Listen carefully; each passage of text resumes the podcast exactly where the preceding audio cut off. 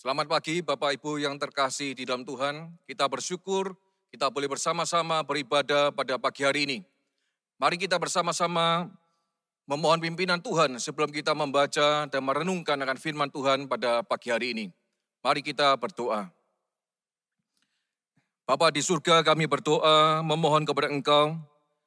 Kiranya Tuhan memberikan kami hikmat untuk kami boleh mengerti akan firman-Mu yang akan kami dengarkan pada hari ini. Kami berdoa kiranya Tuhan juga menolong kami menyiapkan hati dan pikiran kami untuk menerima kebenaran firman Tuhan. Dan kiranya Tuhan juga menolong diri hambamu yang penuh dengan kelemahan ini untuk boleh menjadi saluran berkat bagi setiap kami yang mendengarkan dan juga yang membaca akan firman Tuhan. Berkati ya Tuhan pemberitaan firman-Mu dari awal, pertengahan hingga pada akhirnya. Kami percaya bahwa Engkau hadir bersama-sama dengan kami dan Engkau akan menyampaikan firman-Mu kepada setiap kami masing-masing. Siapkan hati kami dan hidup kami. Terpujilah Engkau Bapa di surga, kami berdoa menyerahkan seluruh anggota keluarga kami yang saat ini bersama-sama dengan kami beribadah. Kiranya Tuhan juga memberkati mereka dengan kebenaran firman-Mu. Di dalam nama Tuhan Yesus Kristus, kami bersyukur dan berdoa. Amin. Bapak Ibu yang terkasih dalam Tuhan, pada pagi hari ini kita akan merenungkan satu tema, yaitu mengakui kelemahan, menerima kekuatan. Mengakui kelemahan, menerima kekuatan. Kita akan membaca di dalam surat Roma, pasal yang ke-7, ayat yang, ayat yang ke-24, hingga pasal yang ke-8, ayat yang kedua. Roma pasal yang ke-7 ayat 24 hingga pasal yang ke-8 ayat yang kedua. Demikianlah bunyi firman Tuhan. Aku manusia celaka. Siapakah yang akan melepaskan aku dari tubuh maut ini?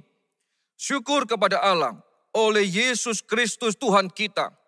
Jadi dengan akal budiku aku melayani hukum Allah. Tetapi dengan tubuh insaniku aku melayani hukum dosa. Demikianlah sekarang tidak ada penghukuman bagi mereka yang ada di dalam Kristus Yesus. Roh yang memberi hidup telah memerdekakan kamu dalam Kristus dari hukuman dosa dan hukum maut. Bapak Ibu yang terkasih dalam Tuhan, kalau kita membaca bagian firman Tuhan ini, maka kita melihat ada satu kerinduan daripada Paulus untuk mendorong akan setiap jemaat pada waktu itu khususnya jemaat di kota Roma. Untuk mereka menyadari bahwa ada satu panggilan yang tidak boleh mereka lupakan di dalam hidup mereka. Yaitu hidup menjadi serupa dengan Kristus. Hidup menjadi serupa dengan Kristus. Dengan kata lain, setiap orang yang percaya pada waktu itu harus memiliki karakter Kristus di dalam setiap aspek kehidupan mereka. Saudara, mengapa hal ini di inginkan oleh Paulus untuk terjadi di dalam setiap jemaat di kota Roma. Karena kita menyadari juga pada waktu itu kota Roma merupakan kota yang sangat besar. Kota Roma merupakan kota yang sangat maju dan berkembang. Namun seiring dengan kemajuan itu, di sana juga bertumbuh subur perilaku-perilaku yang sangat menyimpang dari kebenaran. Saudara, kalau kita mempelajari sejarah daripada kota Roma, maka kita juga menemukan ada banyak para pemimpin-pemimpin, para kaisar yang memimpin kota Roma. Mereka hidup di dalam kemewahan, mereka hidup di dalam kebebasan yang tidak ada batasnya. Saudara, di tengah-tengah kondisi yang seperti itu, Paulus merindukan setiap anak-anak Tuhan, setiap jemaat Tuhan pada waktu itu untuk menjadi murid-murid Kristus. Pertanyaannya adalah, Apakah mudah? Apakah mudah? Di tengah-tengah kondisi yang seperti itu, setiap orang percaya harus hidup menjadi murid Kristus yang sejati. Bapak Ibu yang kasih Tuhan, tentu jawabnya tidak mudah. Tidak mudah hidup di tengah-tengah kondisi yang seperti itu harus menjadi serupa dengan Kristus. Oleh sebab itu kalau kita membaca surat Roma, maka Paulus dengan antusias, maka Paulus dengan sungguh-sungguh mengajarkan akan pengajaran-pengajaran yang meneguhkan iman mereka di dalam Kristus. Kalau kita membaca di dalam pasal yang pertama sampai pasal yang ke-11. Demikian juga Paulus juga mengingatkan supaya jemaat Roma mempraktekkan iman mereka di tengah-tengah kehidupan ini dengan kehidupan yang praktis yang sesuai dengan kebenaran firman Tuhan. Itu saudara bisa baca di dalam pasal yang ke-12 hingga pasal yang ke-16. Jadi saudara, surat Roma merupakan surat yang sangat penting untuk membawa, mendorong akan jemaat Tuhan pada waktu itu menjadi murid-murid Kristus. Saudaraku yang terkasih dalam Tuhan, gereja merupakan anggota tubuh Kristus. Gereja merupakan satu anggota tubuh Kristus, di mana setiap anggota harus mengerjakan peran dan fungsinya dengan baik. Ketika gereja tidak lagi melakukan akan fungsi dan perannya, setiap anggota tubuh Kristus itu akan melemahkan daripada tubuh Kristus itu sendiri. Oleh sebab itu, pada pagi hari ini Bapak Ibu yang dikasih Tuhan, kita perlu menyadari demikian juga dengan kehidupan kita di tengah-tengah keluarga. Di tengah-tengah keluarga. Saudara keluarga Kristen harus menjadi keluarga yang sungguh-sungguh memuliakan Tuhan.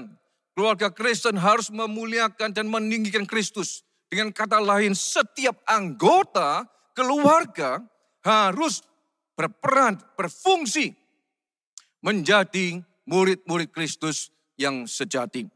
Saudara, sebab itu mari kita memperhatikan akan nasihat daripada Paulus ketika dia merindukan akan setiap anggota daripada jemaat Tuhan itu menjadi murid Kristus. Saudara, nasihat Paulus yang pertama dikatakan demikian.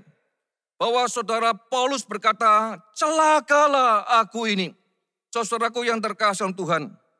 Di sini Paulus mendorong supaya jemaat Allah menyadari bahwa ada pergumulan yang hebat di dalam dirinya untuk hidup bagi Allah. Saudara, kita tahu Paulus adalah orang yang dipilih oleh Allah menjadi seorang rasul. Paulus adalah seorang pemberita Injil yang sangat berpengaruh pada waktu itu. Paulus adalah seorang pemimpin yang luar biasa. Tetapi di dalam kehidupannya, Paulus menyadari, Paulus mengakui bahwa ada pergumulan yang hebat di dalam kehidupannya. Aku manusia celaka, dikatakan oleh Paulus. Kalau kita memperhatikan bagian firman Tuhan yang lain juga, Paulus pernah berkata, aku ingin berbuat baik, tetapi yang jelek itu yang justru aku lakukan. Bapak Ibu yang terkasih di dalam Tuhan, pergumulan ini merupakan pergumulan yang sangat hebat di dalam diri Paulus. Dan Paulus tidak malu-malu mengakui akan pergumulan ini.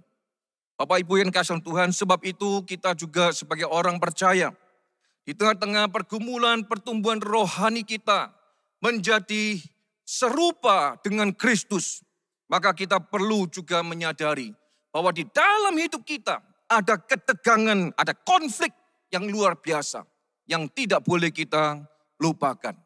Saudara, di dalam kehidupan ini ada satu kebiasaan yang sering kali kita lakukan, yaitu kita suka menyalahkan orang lain. Kita suka menghakimi akan orang lain, tetapi tidak mau mengoreksi akan diri kita sendiri. Sekali lagi, ada kebiasaan yang sering kali terjadi dalam kehidupan kita sebagai orang berdosa. Kita suka menghakimi orang lain.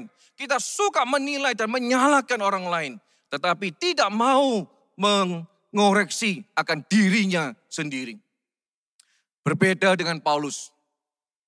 Dia sebagai rasul Allah, dia mau dan tetap mengoreksi akan dirinya sendiri. Bapak Ibu yang terkasih Tuhan, suatu hari ada seorang anak masuk ke dalam satu toko.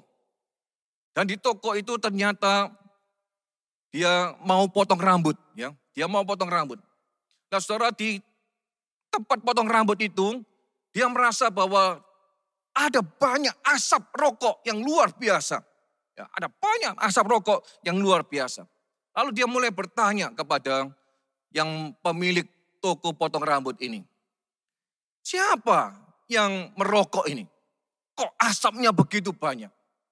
Lalu tanpa segan-segan pemilik eh, pemangkas rambut ini dia berkata, saya, saya yang merokok sehingga asapnya itu memenuhi akan ruangan itu. Lalu saudara si anak ini berkata kepada bapak itu, Pak, apakah Anda tidak punya kerinduan untuk berhenti daripada merokok? Saudara, Bapak itu berkata, ya saya sudah mencoba berkali-kali. Saya ingin berhenti, tetapi saya tidak bisa berhenti. Saudara, apa yang dilakukan atau dikatakan oleh anak ini kepada bapak itu? Dia berkata begini, Pak, saya juga menyadari kalau Bapak berusaha dan mau berhenti dan tidak berhasil, saya menyadari memang kita manusia lemah. Sama seperti saya tidak bisa berhenti untuk melepaskan jempol ini dari mulut saya ya. Biasanya anak-anak itu suka menghisap jempol. Nah, dia tidak bisa berhenti dengan kebiasaan itu. Tetapi kita yang pelajari di dalam bagian ini adalah si anak ini dan si bapak ini tidak malu. Mengakui bahwa memang di dalam dirinya ada pergumulan yang sangat berat itu. Tetapi dia mengingatkan di tengah-tengah ketika menyadari kelemahan, kita harus juga menyadari kekuatan di dalam kehidupan orang lain. Saudara, nasihat Paulus yang kedua, supaya jemaat Allah itu dengan sukarela menyerahkan dirinya untuk dibentuk dan hidup bagi Allah. Saudara di sini dikatakan di dalam bagian firman Tuhan ini. Demikianlah sekarang tidak ada lagi penghukuman bagi mereka yang ada di dalam Kristus Yesus. Bukankah ini satu berita yang sangat luar biasa? Bukankah ini satu berita yang memberikan kita semangat untuk kita hidup menjadi serupa dengan Kristus? Saudara, sebab itu kita didorong oleh Paulus supaya kita menyerahkan hidup kita untuk kita dibentuk dan hidup bagi Kristus. Setiap orang percaya yang belum hidup menurut roh Allah hanya dapat melayani hukum Allah melalui akal budi mereka. Karena mereka menjadi alat-alat dosa. Saudaraku yang terkasih Tuhan, memang ada sesuatu yang sangat misteri di dalam kehidupan ini. Bukankah aku ini adalah orang yang sudah mendapatkan pengampunan dosa? Bukankah aku ini adalah orang-orang yang sudah diperpahari oleh Allah? Tetapi mengapa aku terus dan aku sering kali menyerahkan hidupku untuk berbuat dosa? Saudara ini merupakan sesuatu hal yang sangat-sangat menjadi satu pergumulan di dalam kehidupan kita hari demi hari. Saudara suatu hari ada seorang anak, dia juga pergi berekreasi dengan teman-temannya, dan dia punya cita-cita yang sangat luar biasa di dalam kehidupannya. Namun saudara di dalam masa-masa rekreasi itu terjadi sebuah kecelakaan yang luar biasa. Saudara apa yang terjadi? Anak ini mengalami patah tulang. Sehingga kakinya harus digantung, harus dioperasi oleh dokter. Saudaraku yang dikasih Tuhan, di dalam beberapa waktu dokter itu berusaha memperbaiki uh, tulang yang patah di bagian kakinya ini. Dan akhirnya tulang itu dapat diselesaikan dengan baik. Operasi itu bisa berjalan dengan baik. Nah sebab itu ketika semuanya berjalan dengan baik, lalu dokter itu mengingatkan akan anak muda ini. Sekarang operasi berjalan dengan baik, tulang sudah tersusun dengan baik, engkau harus belajar berjalan. Bapak Ibu yang terkasih Tuhan, anak ini merasa bahwa ah aku dari kecil sudah berjalan. Aku dari kecil sudah bisa berjalan. Bahkan aku bisa berlari. Masa sekarang aku tidak bisa berjalan? Saudara apa yang terjadi? Ketika dia mulai menurunkan kakinya dan menginjak akan lantai. Ternyata ada satu kengerian, ada satu kesakitan yang luar biasa dialami. Meskipun secara medis itu operasi berjalan dengan baik. Tulang-tulang sudah dioperasi dengan baik. Tetapi dia tetap ketika harus berjalan tidak bisa seperti semula. Dan dia harus mulai dari awal belajar satu langkah demi satu langkah. Saudara, di dalam hidup kita sebagai anak-anak Tuhan, kita sudah mendapatkan pengampunan dosa. Tetapi di tengah-tengah kita hidup di dalam dunia ini, kita masih bisa berbuat dan jatuh di dalam dosa. Sebab itu kita harus terus belajar. Sebab itu kita harus terus dekat dengan Tuhan. Supaya kita mengalami pemulihan yang daripada Tuhan. Bapak Ibu, saudara kasih Tuhan, di tengah-tengah keluarga kita, kita juga menemukan anggota-anggota keluarga kita yang sering kali juga berbuat dosa, yang sering kali juga melakukan kesalahan. Tetapi marilah kita membantu mereka, mengingatkan mereka, menopang mereka supaya mereka juga terus mengalami pertumbuhan bersama-sama dengan kita untuk menjadi serupa dengan Kristus. Suara nasihat yang ketiga, Paulus mengingatkan supaya jemaat menyadari bahwa kekuatan yang sesungguhnya itu adalah karena peran Roh Kudus di dalam setiap hidup orang percaya yang adalah menghidupkan. Ya, saudara di dalam ayat yang kedua di sana dikatakan Roh yang memberikan hidup telah memerdekakan kamu di dalam Kristus dari hukuman dosa dan hukum maut. Saudara, siapakah yang memberikan kita kekuatan? Siapakah yang akan menuntun kita di dalam kehidupan kita untuk menjadi berkat bagi anggota keluarga kita yang, yang lain? Atau siapakah yang bisa menuntun kita supaya kita boleh menjadi berkat bagi banyak orang? Saudara Paulus mengatakan, hanya peran roh kudus. Roh kuduslah yang menghidupkan akan setiap kelemahan-kelemahan kita. Dan bahkan Tuhan memberikan karakter-karakter yang baru di dalam setiap kehidupan kita sebagai orang yang percaya kepada Kristus. Bapak Ibu yang kasih Tuhan, ini sungguh suatu janji yang luar biasa. Di tengah-tengah kita mengakui kelemahan kita, di tengah-tengah kita menyadari kelemahan kita, kita bisa memperoleh kekuatan, bukan berdasarkan kekuatan kita sendiri, tetapi karena Roh Kudus yang menghidupkan saudara dan saya untuk boleh menjadi murid-murid Kristus. Saudara, orang yang percaya, yang hidup menurut roh Allah, maka melalui seluruh aspek kehidupannya, dia akan menyerahkannya, dia akan menjadi menjadikan hidupnya sebagai alat-alat kebenaran Allah. Dulu kita bukan umat Allah, sekarang kita adalah umat Allah. Dulu kita tidak dikasihi, tetapi kita sekarang menjadi orang-orang yang dikasihi oleh Allah. Saudara itu semua karena peran daripada Allah Roh Kudus yang dianugerahkan di dalam hidup saudara dan saya. Dan itulah yang membuat saudara dan saya bisa menjadi anak-anak Tuhan. Hidup serupa dengan Kristus. Bapak Ibu yang terkasih Tuhan, mari kita melihat akan tiga nasihat ini. Ketika kita mengakui kelemahan kita, maka kita akan memperoleh kekuatan. Bagaimana caranya? Yang pertama, kita harus berani mengakui segala keterbatasan dan kelemahan kita. Dan yang kedua, kita harus berani menyatakan diri rela hidup dipimpin oleh Tuhan karena pemulihan yang sesungguhnya adalah berasal daripada Tuhan. Dan yang ketiga, marilah kita senantiasa menyadari bahwa Roh Kudus itu mendampingi kita. Roh Kudus itu menyertai kita. Dia tidak pernah meninggalkan kita. Sebab itu mari kita terus berjalan sesuai dengan pimpinan daripada Allah Roh Kudus. Dan setiap kita yang dipimpin, maka kita harus taat kepada kehendak firman Tuhan. Saudara Paulus pernah berkata di dalam Filipi pasal yang pertama ayat 22a. Filipi pasal pertama ayat 22a. Tetapi jika aku harus hidup di dunia ini, itu berarti bagiku bekerja memberi buah. Bagi Paulus, ketika dia sudah bergumul dan ketika dia menyadari segala kekuatan berasal daripada Allah, maka dia punya satu visi, dia punya satu tujuan. Kalau aku hidup, aku hidup bekerja memberikan buah. Bagaimana dengan Bapak Ibu saudara sekalian? Bagaimana peran dan fungsi saudara sebagai anggota keluarga di rumah kita masing-masing.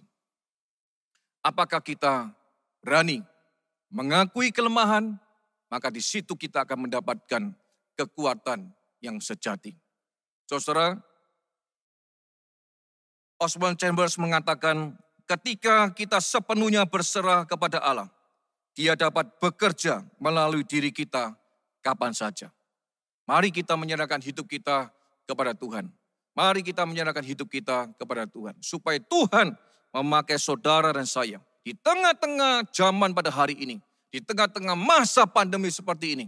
Kita terus menjadi murid-murid Kristus yang sejati. Memiliki karakter Kristus, hidup bagi Kristus, dan menjadi serupa dengan Kristus. Kiranya Tuhan memberkati kita sekalian, Tuhan memakai kita sekalian di tengah-tengah keluarga kita, di dalam kehidupan kita sebagai orang percaya, kita terus menjadi hidup yang menyerupai Tuhan. Mari kita tunduk kepala, kita berdoa. Bapa di surga, kami bersyukur dan berterima kasih bahwa di tengah-tengah kondisi kami yang kami alami hari ini, di tengah-tengah masa pandemi, ada banyak hal yang tidak biasa terjadi dalam kehidupan kami ya Tuhan. Dan di tengah-tengah kondisi yang seperti ini sering kali kami menyalahkan orang lain. Kami tidak mengoreksi diri kami sendiri. Bapak kami berdoa, kiranya Tuhan menolong dengan kebenaran firman Tuhan yang sudah kami renungkan bersama. Melalui teladan daripada Paulus, kami boleh didorong sekali lagi untuk berani mengakui segala kelemahan kami. Untuk berani menyerahkan hidup kami untuk dipimpin dan dikuatkan oleh roh kudus sehingga karakter-karakter di dalam kehidupan kami boleh muncul sesuai dengan kehendak daripada Allah sendiri. Berkati ya Tuhan setiap kami sebagai anggota-anggota keluarga di dalam keluarga kami. Kami boleh berperan aktif untuk menjadi murid-murid Kristus. Sebagai keluarga Kristen di tengah-tengah gereja di zaman ini, jadikan kami keluarga Kristen yang sungguh-sungguh juga boleh berperan aktif di dalam menjadikan keluarga kami keluarga Kristen yang sejati. Bapa di surga kiranya Tuhan menolong akan setiap kami masing-masing. Dan Tuhan memberkati akan firman-Mu yang sudah kami dengarkan pada hari ini. Terpujilah Engkau Bapa di surga, di dalam nama Tuhan Yesus Kristus, kami bersyukur dan berdoa. Amin.